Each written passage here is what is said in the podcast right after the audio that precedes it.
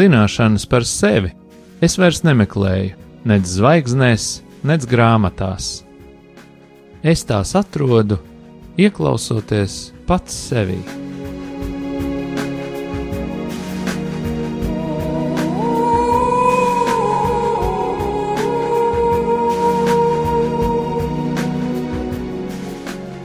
Raidījums Mīlestības terapija top mīlestības mājai, sadarbojoties ar profesionālo pastorālās konsultēšanas asociāciju.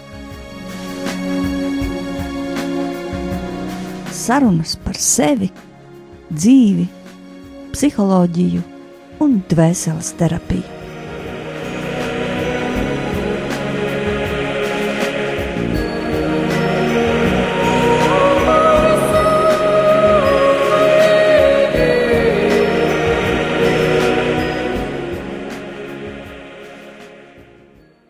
Labvakar, mīļie radioklausītāji! Šovakar atkal raidījums mīlestības terapija ir jūsu mājās, un ar jums sarunājās psiholoģija mīlestības mājas vadītāja Ina Grasmane un ģimenes psihoterapeits Gatis Līdums. Labvakar!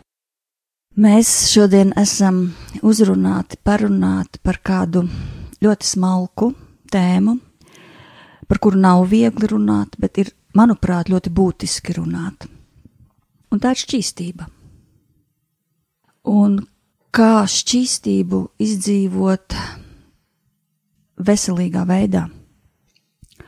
Un šo tēmu man kā, mudināja uh, pacelt gaismā un mēģināt par to runāt sievietes, kuras ir uh, sākušas kaut kā diezgan nu, vairākas nāk pie manis uz terapiju Un tās ir jaukas, lieliskas, skaistas sievietes, kurām ir ap 40, kuras ir palikušas uzticīgas šim šķīstības aicinājumam, kā to aicina baznīca, līdz brīdim, kamēr viņas stāsies laulībā, kas pats par sevi ir, manuprāt, ārkārtīgi skaists aicinājums, bet šajā ceļā, ejot šo šķīstības ceļu, kaut kas ir iekšēji noticis.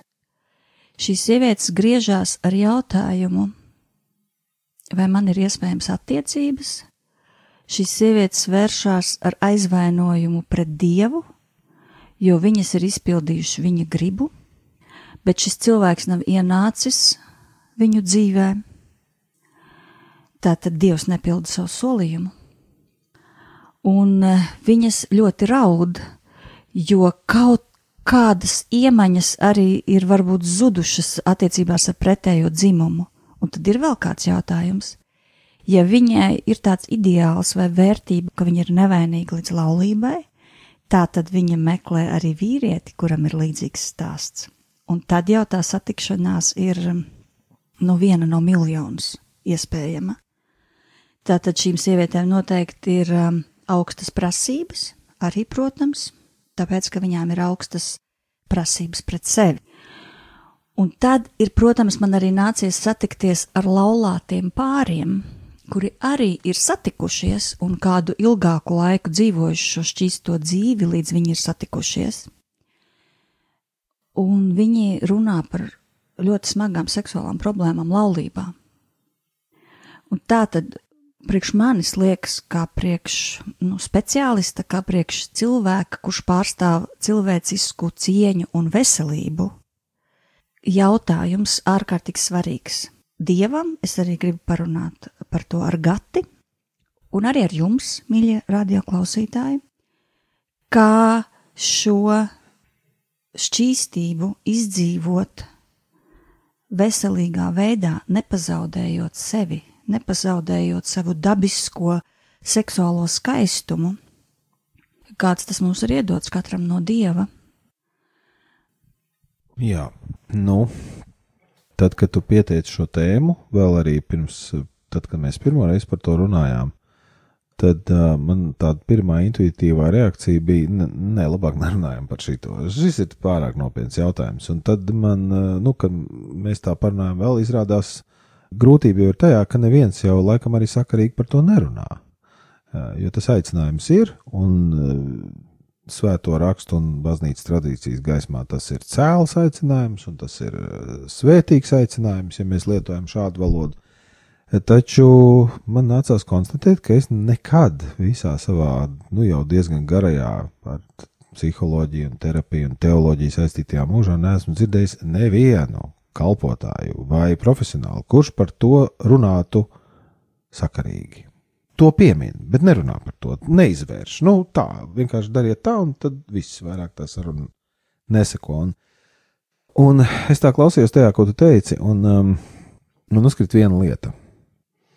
Protams, ka mēs varam parunāt par uh, to, kāda un kas ir veselīga seksualitāte un, un, un kā tur tas viss saistās ar šķīstības aicinājumu, vai varbūt pat arī celibāta dāvanu, kāda arī cilvēkiem tiek dota, un tas nav nekas uh, smējams vai kaut kādā veidā ironizējams. Tā dāvana ir un viņa tiek cilvēkiem dota, un tas atkal ir pavisam cits stāsts nekā tikai šķīstības solījums.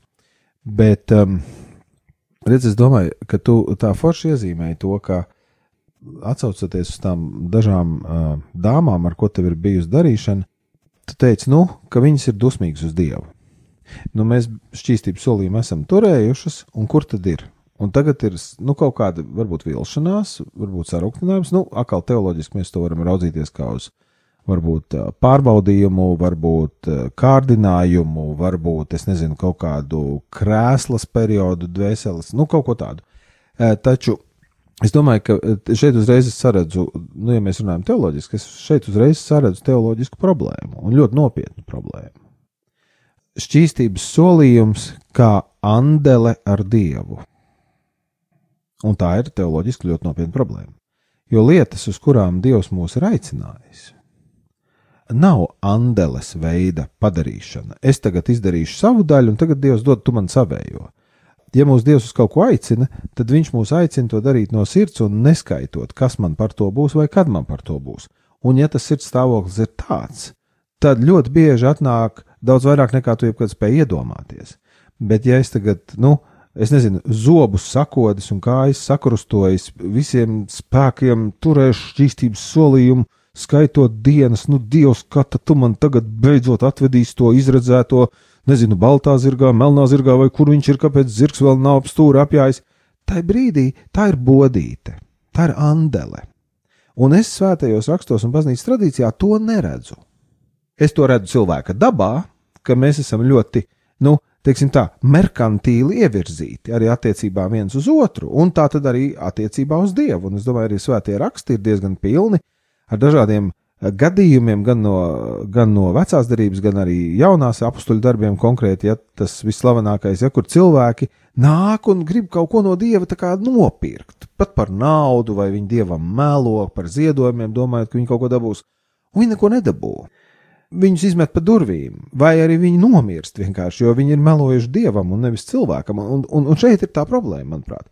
Jo, ja tas šķīstības solījums, es tā pieņemu, būtu ar to uh, absolūti lielisko gara piepildījumu, ka es dzīvoju šķīstu dzīvi dievam par godu, man tas patīk, es pilnībā visu savu seksualitāti ievirzu kalpošanā, es uh, priecājos par dzīvi, tur ir tik daudz smaržas un krāsas un visas lietas. Un tad vienā brīdī nezinu, no kurienes atjāta tas princis vai princese, un tad man ir tās brīnišķīgās attiecības.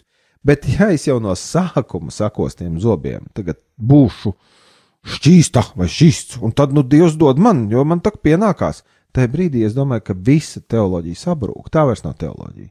Tas ir Rīgas centrāla tirgus sliktākajā no tām versijām, kādas tur ir. Ja? Un, un ta, es to nesaredzu ne kristīgā tradīcijā, ne, ne arī svētajos rakstos. Piedod, es tev varbūt sagādāju vilšanos, bet tā es to ieraudzīju no tā, ko tu teici.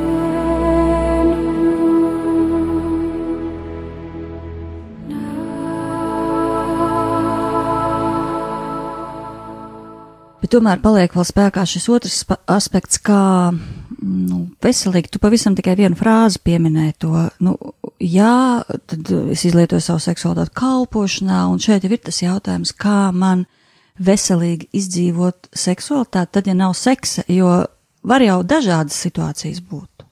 Varbūt ne tikai šāda veida šķīstība, kā tu līdz laulībai, varbūt, nu, nezinu, stāsti ir dažādi, varbūt tev nomirs vīrs, varbūt tu izdzīvo kaut kādas smagas pārdzīvojumus, tev varbūt, nu, nezinu, šķiršanās smaga vai vēl kaut kas, un, un tu vienkārši tāpat izdzīvo šo vientulības tukšuma laiku. Un tad ir vienmēr ir šis jautājums, nu, seksualitāte jau ar mums ir vienmēr kopā, neatkarīgi no tā, kas ar mums ārēji dzīvē notiek. Un es domāju, ka šīs sievietes uzdod šo jautājumu, kā man izdzīvot, kā tad man palikt priecīgai, kā tad man būt. Un citās jomās tās meitenes ir ļoti veiksmīgas. Viņas nav nelaimīgas, sabrukušas čupiņas, viņas realizējušas sevi tur savā profesionālā dzīvē ļoti labi, izcili pat varētu teikt, ja viņām viss resursi ir aizgājuši tur, un viņas visas izglītotas un mācītas un, un apmierinātas ar dzīvi no vienas puses, bet 40 gados sievietē ir ļoti šī pamatvajadzība tomēr pēc, pēc bērniem, pēc ģimenes iznāk priekšplānā, lai cik tu būtu e, profesionāli tālu tikusi, ja sievietē tas tā ir, un viņai vienkārši dvēseli sāk kliegt pēc tā, un tādēļ šī dilēma ieslēdzās, un, Un šie jautājumi, nu, nāk tās dzīves attiecības, es domāju, ar Dievu patiesībā. Viņi iet un runā ar Dievu un saka, kas Dievs ir, nu, kas tad ir noticis. Varbūt es kaut kur esmu kļūdījusies. Varbūt es kaut ko neesmu sapratusi. Varbūt, un tur noteikti pētot, ejot eh, ar šīm meitenēm kopā, tur jau ir viss kaut kas, tur ir zaudējumi un tur ir vilšanās un attiecības ar tēti, un tur ir visādi, visādi iemesli, kāpēc tas vīrietis nav varējis šajā dzīvē ienākt. Tas nav tikai dieva konteksts, bet tomēr man jautājums ir par to, kā sievietē izdzīvot veselīgi seksualitāti, ja seksuālā dzīve reāli kaut kādu iemeslu dēļ nav iespējama. Un tādu sieviešu ir ļoti daudz. Vai viņai palikt pelēkai un neredzamai un norīt to savu seksualitāti, nezinu, kaut ko darīt, sakos spilvenu naktī, vai viņai atrast kaut kādu veidu, kā kā izdzīvot. Nu, īstenībā es domāju, visas jūtas ir ļoti būtiski izdzīvot. Gan mīlestību, gan seksualitāti, gan agresiju, gan aizvainojumu un kaut ko ar to darīt, runāt. Nu, šis jau ir labais, šīs meitenes, kas nāk runāt par to, tas jau ir tas veselīgākais gals. Es domāju, ka ir ļoti daudz cilvēku, kas eh, nenāk un nerunā, kā izdzīvot, kā izdzīvot seksualitāti, kur to likt. patīk, kā tu par to košanu spilvenā. Nē, nu spilvenā kost vispār ir stulba lieta, tāpēc, ka var dabūt pilnu mutu ar dūnām vai spalvām, un tad pēc tam, nu, jāiet tur izskalot, un vispār nevajag kost spilvenā. Tā ir, tā, tā ir tāda ļoti neveiksmīga kupēšanas stratēģija. Redzi, tajā, ko tu saki, es atkal vēlreiz dzirdēju šo te biznesa transakciju aspektu, un, un, un, un e, e, es eh, neaizēju no tēmas, un mēs tūlīt aiziesim uz to, kā to izdzīvot. Varbūt, jā, bet um, nu, vēl ar vienu tīri teoloģiski, ja mēs skatāmies nakā, tur jau var atrast dažādus autorus, kas dažādi par to runā, un, un, protams, jūs varat paņemt no klasiskā un fundamentālā gala kaut kādus tiešām spožus teologus, un tur būs viena veida uzskats, un jūs varat paņemt kaut kādus es nezinu, 20. gadsimta beigu liberālu teologus, kuriem lielā tēma ir dieva nāve, un tad, nu, tad tur jūs arī visāds brīnums varat salasīties. Tā kā visa teoloģija nav tāda monochromatiska, viņi ir ļoti dažādi. Bet, ja mēs skatāmies to, to, to klasisko uzstādījumu, vai, vai to pieņēmumu, vai to principus, kā tas viss balstās, tad uh, mūsu dzīve jau mums nepieder. Viņa pieder dievam. Un viss, ko mēs viņam varam iedot atpakaļ, ir mūsu dzīve. Un šķīstība tas ir ļoti īpašs un augsts aicinājums, kur, kurš, nu, tā kā saskaņā ar baznīcas tradīciju, tur viņš arī ir fiksēts, aprakstīts un, un attīstīts, ja. Uh, vēlreiz šķīstība nav prece. Šķīstība ir ļoti augsts raudzes aicinājums, kurš tev atver iespēju ļoti īpašām dāvanām, kādas tu nekad nevari dabūt, ja tu tā nedzīvo. Ja tu tā nedzīvo, tu vari dabūt citas dāvanas. Bet, bet te ir tā lieta, ja es dzīvoju ar šķīstību un visu laiku ceru dabūt tās dāvanas, kuras tā kā man gribās arī no tā otra dzīvesveida, nu tad mums ir spēcīgs konflikts, un tad mums jau jārunā tiešām par psiholoģisku palīdzību iespējams. Ja? Tas viens. Otrs, kā, kā to izdzīvot. Es domāju, tā kā mēs sakam seksualitāte, droši vien visnedefinējamākais vārds, ko neviens nevar nodefinēt, un katrs saprot pa savam, manuprāt, ir laime. Tas ir absolūti tukšs un stulbs vārds. Katram cilvēkam tas nozīmē kaut ko savu, bet liel, kopumā tas nenozīmē vispār neko. Un otrs tāds vārds, kas būtu rāņu tabulā numurs divi, ir seksualitāte. Ja, nu es tev varētu paprasīt, ko tu domā ar seksualitāti. Ja tu domā spēcīgu libido vai vāju libido, libido starp citu nav tikai par seksu, tā ir dzīvot griba vispār kopumā, ja mēs skatāmies, kā klasiski libido ticis definēts. Tu domā dzimumu aktu, vai tu domā erotisku gleznu aplūkošanu uh, Luvrā, vai tu domā, nu, ko tu domā, kad tu saki seksualitāti? Ja? Tajā, ko tu teici, es sadzirdēju, jā, ģimene, bērni, tas katrai sievietei ir svarīgi. Skaisti. Uh, Es domāju, normālam vīrietim tas arī droši vien ir svarīgi. Tā kā es tos dzimumus tā ļoti nedalītu. Bet, nu, sievietei, protams, ir tas sievietes aicinājums, un viņa arī teoloģiskajā tradīcijā caur bērnu dzemdēšanu tiek pestīta un, un saprot dievu labāk. Un, un nu tā, jā, to mēs, tie, kas klausās, es ceru, ka viņi to tā kā zina apmēram, ka mēs šeit nerunājam muļķības vai nezīžam to no pirksta. Bet um, par laimi mēs dzīvojam 21. gadsimtā, jā. Tev ir 40 gadi, tev ir šķīstības solījums, tu viņu turi, jā, tev ir grūti, tev ir ēnu, ēnu ielēja, tev ir bēdīgi, un tu gribi ļoti bērnus. Adoptē, zaķīt, adoptē. Latvijā bērnu namiem, Latvijā sienas ir uzpampušas. Aizej un nodoptē. Jā, tev nebūs vīrietis, bet tev būs bērns un iespējams divi. Lūdzu, Aiziet, ir vēl citi risinājumi, kā to, kā to bet tas ir viens no tiem. Ja? Tad, ko mēs saprotam ar, ar šo te seksualitāti? Nu, ja tu sapini seksualitāti kopā ar mātes funkciju, tad mūsdienās to var atrisināt arī šādi. Tu vari būt māte, apējot tīri, teiksim, tādas, nu, vulgāras seksualitātes režīmu. Tas ir iespējams. Un tu vari būt, es domāju, tās, nu, es nezinu, par, ko, par kādām sievietēm tu runāji, paldies Dievam, tur Mums ir konfidencialitāte mūsu darbā, un es pat arī negribētu zināt, par ko tu runā. Ja? Tā, tas ir tavs darbs. Bet, lūdzu, ja gribi būt mamma, adoptē vienu, adoptē divus, adoptē trīs, ja tu vari atļauties. Aiziet, braucam, ja tu būsi brīnišķīga māte viņiem. Tur uh, nav obligāti jāpārguļ ar pusi rajonu, lai tu būtu skaista un lieliska māte. Tu vari būt māte arī to neizdarot mūsdienās. Tātad tā, tas ir viens radošs veids. Otrs, ja mēs skatāmies, un tagad es tā ļoti uzmanīgi, ja es negribu reklamēt kaut kādu svešu tradīciju, bet uh, ja tu skaties, nu labi, es zinu, ka tu arī mazliet kādreiz esi tur paskatījusies kaut kādās austrumu tradīcijās, un, un es arī varbūt pieminēšu, ja, e, austrumu tradīcijās, nu, es tieši esmu varbūt ar to saskāries vairāk hinduismā. Es pats tur neesmu bijis iekšā, bet es to esmu pētījis kādu laiku savā laikā, maģistrāta studiju laikā ārzemēs, un es pēc tam tur esmu lasījis diezgan daudz un saticies ar cilvēkiem, kas praktizē dažādus hinduismu novirzienus, jo tur viņu ļoti daudz. Hinduismā daudz cilvēku dzīvo bez seksa. Viņi ir ļoti augstu garīgi attīstīti, un viņi to nevēlas. Jo viņiem iekšējie procesi, viņi nevis kā rietumu cilvēki, ļoti, ļoti grib un tad sublimē un tad mokās, un nu, uz to jau Freids uzbūvēja visu psihoanalīzi. Uz, uz represēto seksualitāti, kura laužās ārā pa visām spraugām, un tad ar viņu kaut kas ir jādara. Jo tad nāk neirozes, tad nāk psihozes, tad nāk vis visādas nelaimes, un psihoanalīze lielā mērā ir būvēta uz to. Un, starp citu, ja, kā mēs zinām, Freidam lielākā daļa bija pusmūža sievietes, kuras cīnījās ar savu neizpausto seksualitāti, un to mēģinot represēt vai sublimēt, viņas kaut kādā veidā nonāca pie neirozēm, psihozēm, un tā Freids viņas ārstēja un rakstīja visus savus kopotos rakstus par šito. Ja? Tātad tas ir rietumu pieejams. Man ļoti, ļoti gribās, bet kaut kāda iemesla dēļ man šausmīgi tā kā nav atļauts, un tagad es mokos, un man šķeļās apziņa, un man rādās murgi, un es sāku, man, man, man ir neirozes, dažādas psihozes, un tagad man to visu vajag ārstēt nu, tā plaši sakot, austrumu tradīcijā, viņi to dara savādāk. Viņi tā kā to necīnās. Viņi to pieņem un viņi to kopja, viņiem patīk tā lieta. Jo ir tie, kuri to kopja tā, viņi saprot, ka augstas garīgas matērijas vairākās austrumu tradīcijās var tvert tikai tie, kas sevi neiznieko seksā. Mm?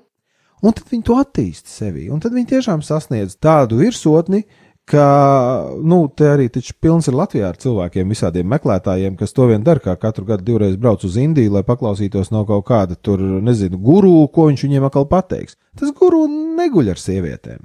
Viņš dzīvo tur savā būdā, kaut kur kalnu galā vai savā kaut kādā ašramā, nu vienalga, kur viņš tur dzīvo. Viņš to nedara. Viņš ir pārpilns ar, ar dzīves gudrību, ar viedumu, viņš ir jauks, viņš ir laipns. Viņ, jo viņš to izdzīvo tā. Nevis nemitīgi cīnīdamies ar sevi, bet skaisti to integrēdams tā, savā tādā libido jomā, ka viņam ļoti patīk dzīve. Bet, lai patiktu dzīve, nav ar kādu jāpārguļ. Tā, tas ir tāds, nezinu, Viktorijas laikmeta rietumu uzstādījums, kad, lai tu varētu izgaršot dzīvi, tad noteikti ar kādu ir jāpārguļ. Un, un ja to ar vairāk cilvēkiem pārgulēs, tad to labāk izgaršos dzīvi. Absolūti atžgārni no austrumu viedokļa raugoties. No austrumu garīguma viedokļa raugoties, tev nav ne ar vienu jāpārguļ, lai tu varētu patiešām saprast garšu un krāsu dzīvei. Nu, tad tu, jā, tad tu esi garīgs cilvēks, tu esi guru, tu esi eh, skolotājs, bet uh, tu tā to dzīvo, un tur tā konflikta nav. Un tāpēc jautājums ir atkal, nu, nereklamēju šobrīd hinduismu vai, vai atsevišķu budismu paveidus, ne Dievs pasargnē, bet tur mēs redzam to, ka tie cilvēki necīnās ar to. Viņi to vienkārši skaisti, integratīvi izdzīvo citiem, nu, teiksim tā, citiem par svētību.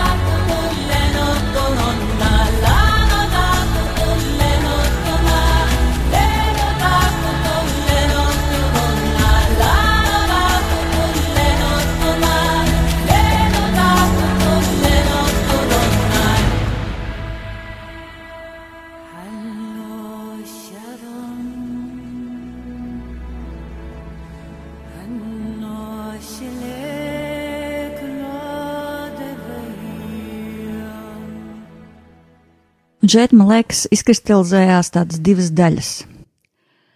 Ja mēs runājam tādā kristīgā valodā, ja mēs pagriežam no austrumiem uz mūsu kristīgo dzīvi un kristīgo filozofiju, tad es teiktu, ka dāvana maksā savu cenu. Un man pašai arī ir bijis laiks, man ir liecība par šķīstības laiku, un man liekas, ka šķīstība līdzīgi kā laulība viņa ved cauri dažādiem posmiem. Un šķīstība, teik, atteikšanās gavēnis, tas ir patiesībā tā ir visspēcīgākā lūkšana, un tā kaut ko ar tevi dara. Un viņa tev ved cauri, cauri taviem at, likteņa, biogrāfijas, ģimenes sistēmas attīrīšanās slāņiem, un varbūt kaut kādā laikā tu piedzīvo, nu, ļoti grūti un smagi ir, un tas var piederēties pie tā, bet tad ir jālūdz pēc šīs dāvanas, jo tam, kas lūdz, tam tiek dots, un tev ir jālūdz pēc šķīstības, kā pēc dieva dotas dāvanas.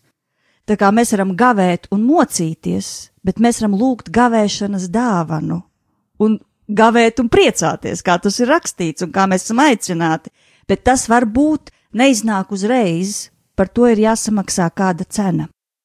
Un otra lieta, kas man liekas ļoti svarīga, ir atbildība par savu aicinājumu, atbildība par savu izvēli.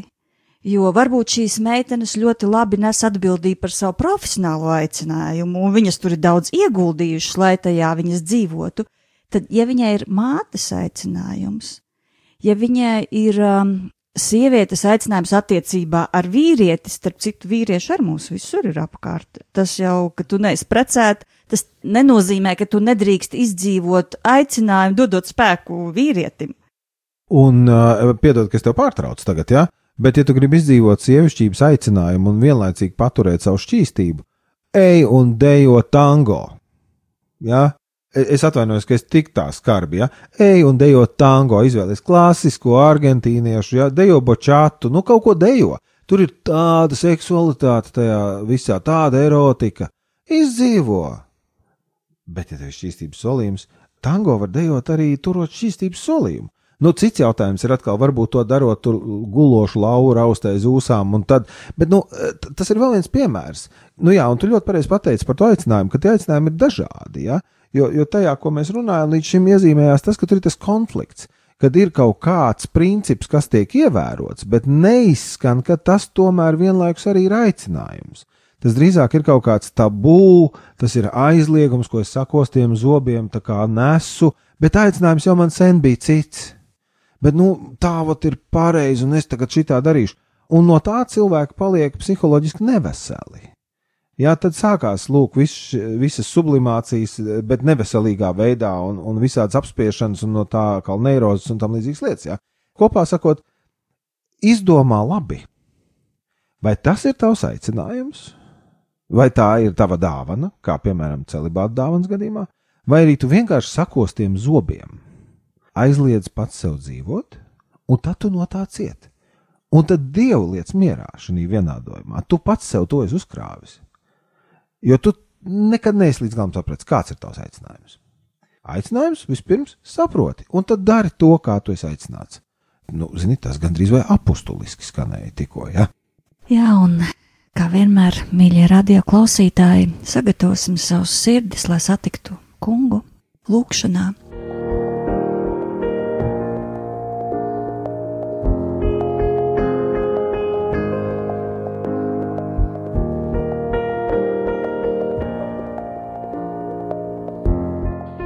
Lūksim par sevi, par savu aicinājumu, par savu ceļu.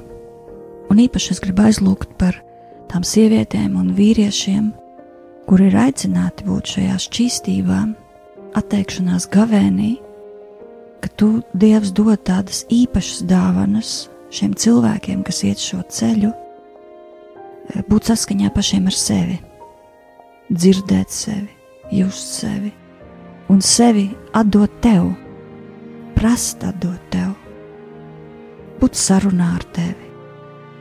Un tāpat es gribu lūgt par cilvēkiem, kuriem laulības aicinājums, kad arī laulātie spēj izdzīvot savu seksualitāti šķīsti, liekot kungu tās centrā, būšanu kopā ka laulība kļūst par patiesu vienotības sakramentu.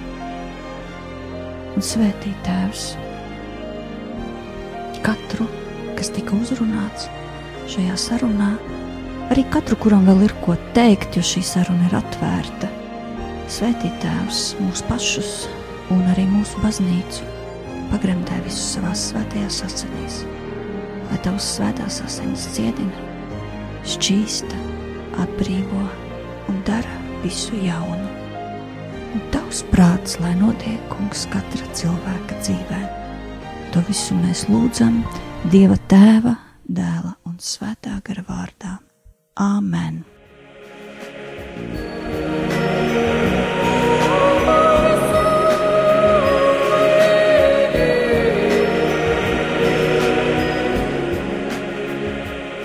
Jūs klausījāties raidījumu mīlestības terapija.